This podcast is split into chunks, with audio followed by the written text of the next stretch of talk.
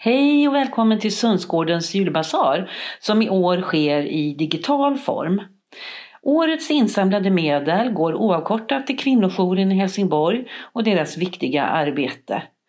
Lyssna nu och njut av en betraktelse från dagens julpoddsvärld och så swishar du valfritt belopp eller sätter in på Sundsgårdens bankgirokonto för att stötta kvinnojourens verksamhet.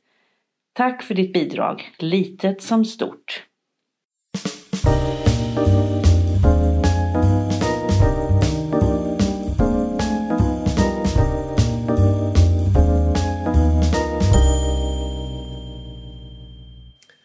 Hej på er! Jag heter Ingvar Sund och det här är min lilla julbetraktelse. Fast jag vet knappt vad man säger om man har en julbetraktelse.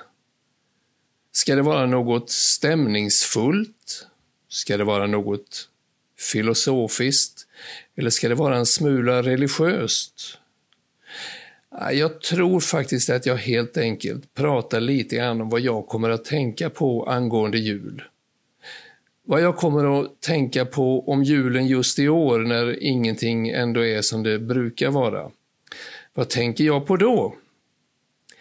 Då tänker jag på höns.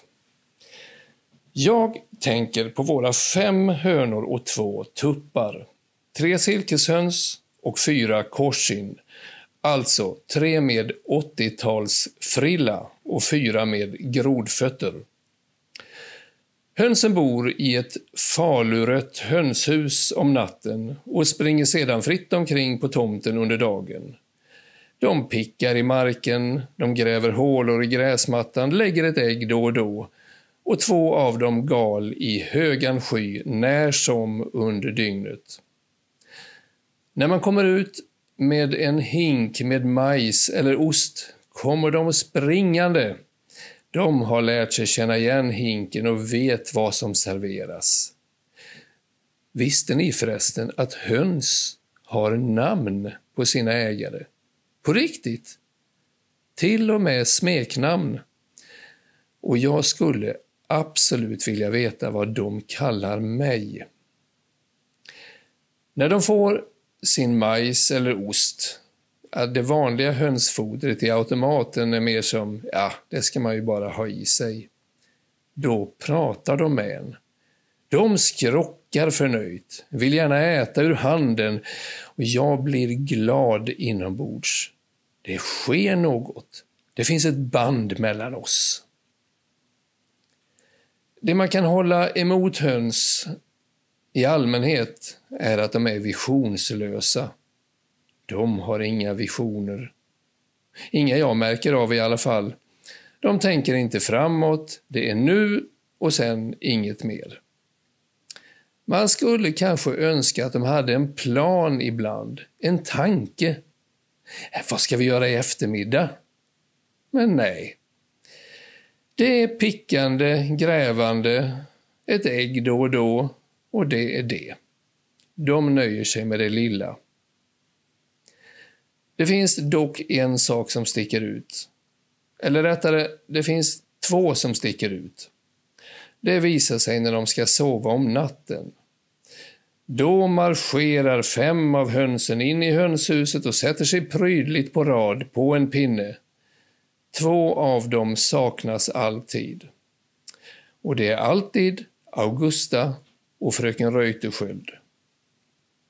Vi finner dem oftast i grannens syrenbuske, långt upp i grenverket som uppburrade bollar. Vi försöker övertala dem att komma ner, men de vill inte. Först tänkte vi att de inte ville vara med de andra hönsen på natten, inte beblanda sig. Inte in i snusket i hönshuset. Att de är lite för mer. Men så tänkte vi att det kanske är något annat trots allt. Det handlar kanske om livslust. De kanske vill vara fria och så länge de kan leva i det vilda, sova ute i syrenbusket bara för att de kan. Ja, vad har då det här med julen att göra? I år kan vi av förklarliga skäl inte göra som vanligt. Vi planerade inte att skala ner, men vi är tvungna om vi inte ska ställa till det för varandra. Istället får vi utforska vad vi kan göra i det lilla. Vi får kanske vara lite visionslösa. Ägna julens dagar åt det vi gör annars nu i isoleringen. Ni vet, picka, gräva, gala, lägga ett ägg, stanna upp och bara vara i det lilla och nära. Och ibland, om vädret tillåter, under den gnistrande julnattens fridfulla tak, sova utomhus i en syrenbuske. God jul!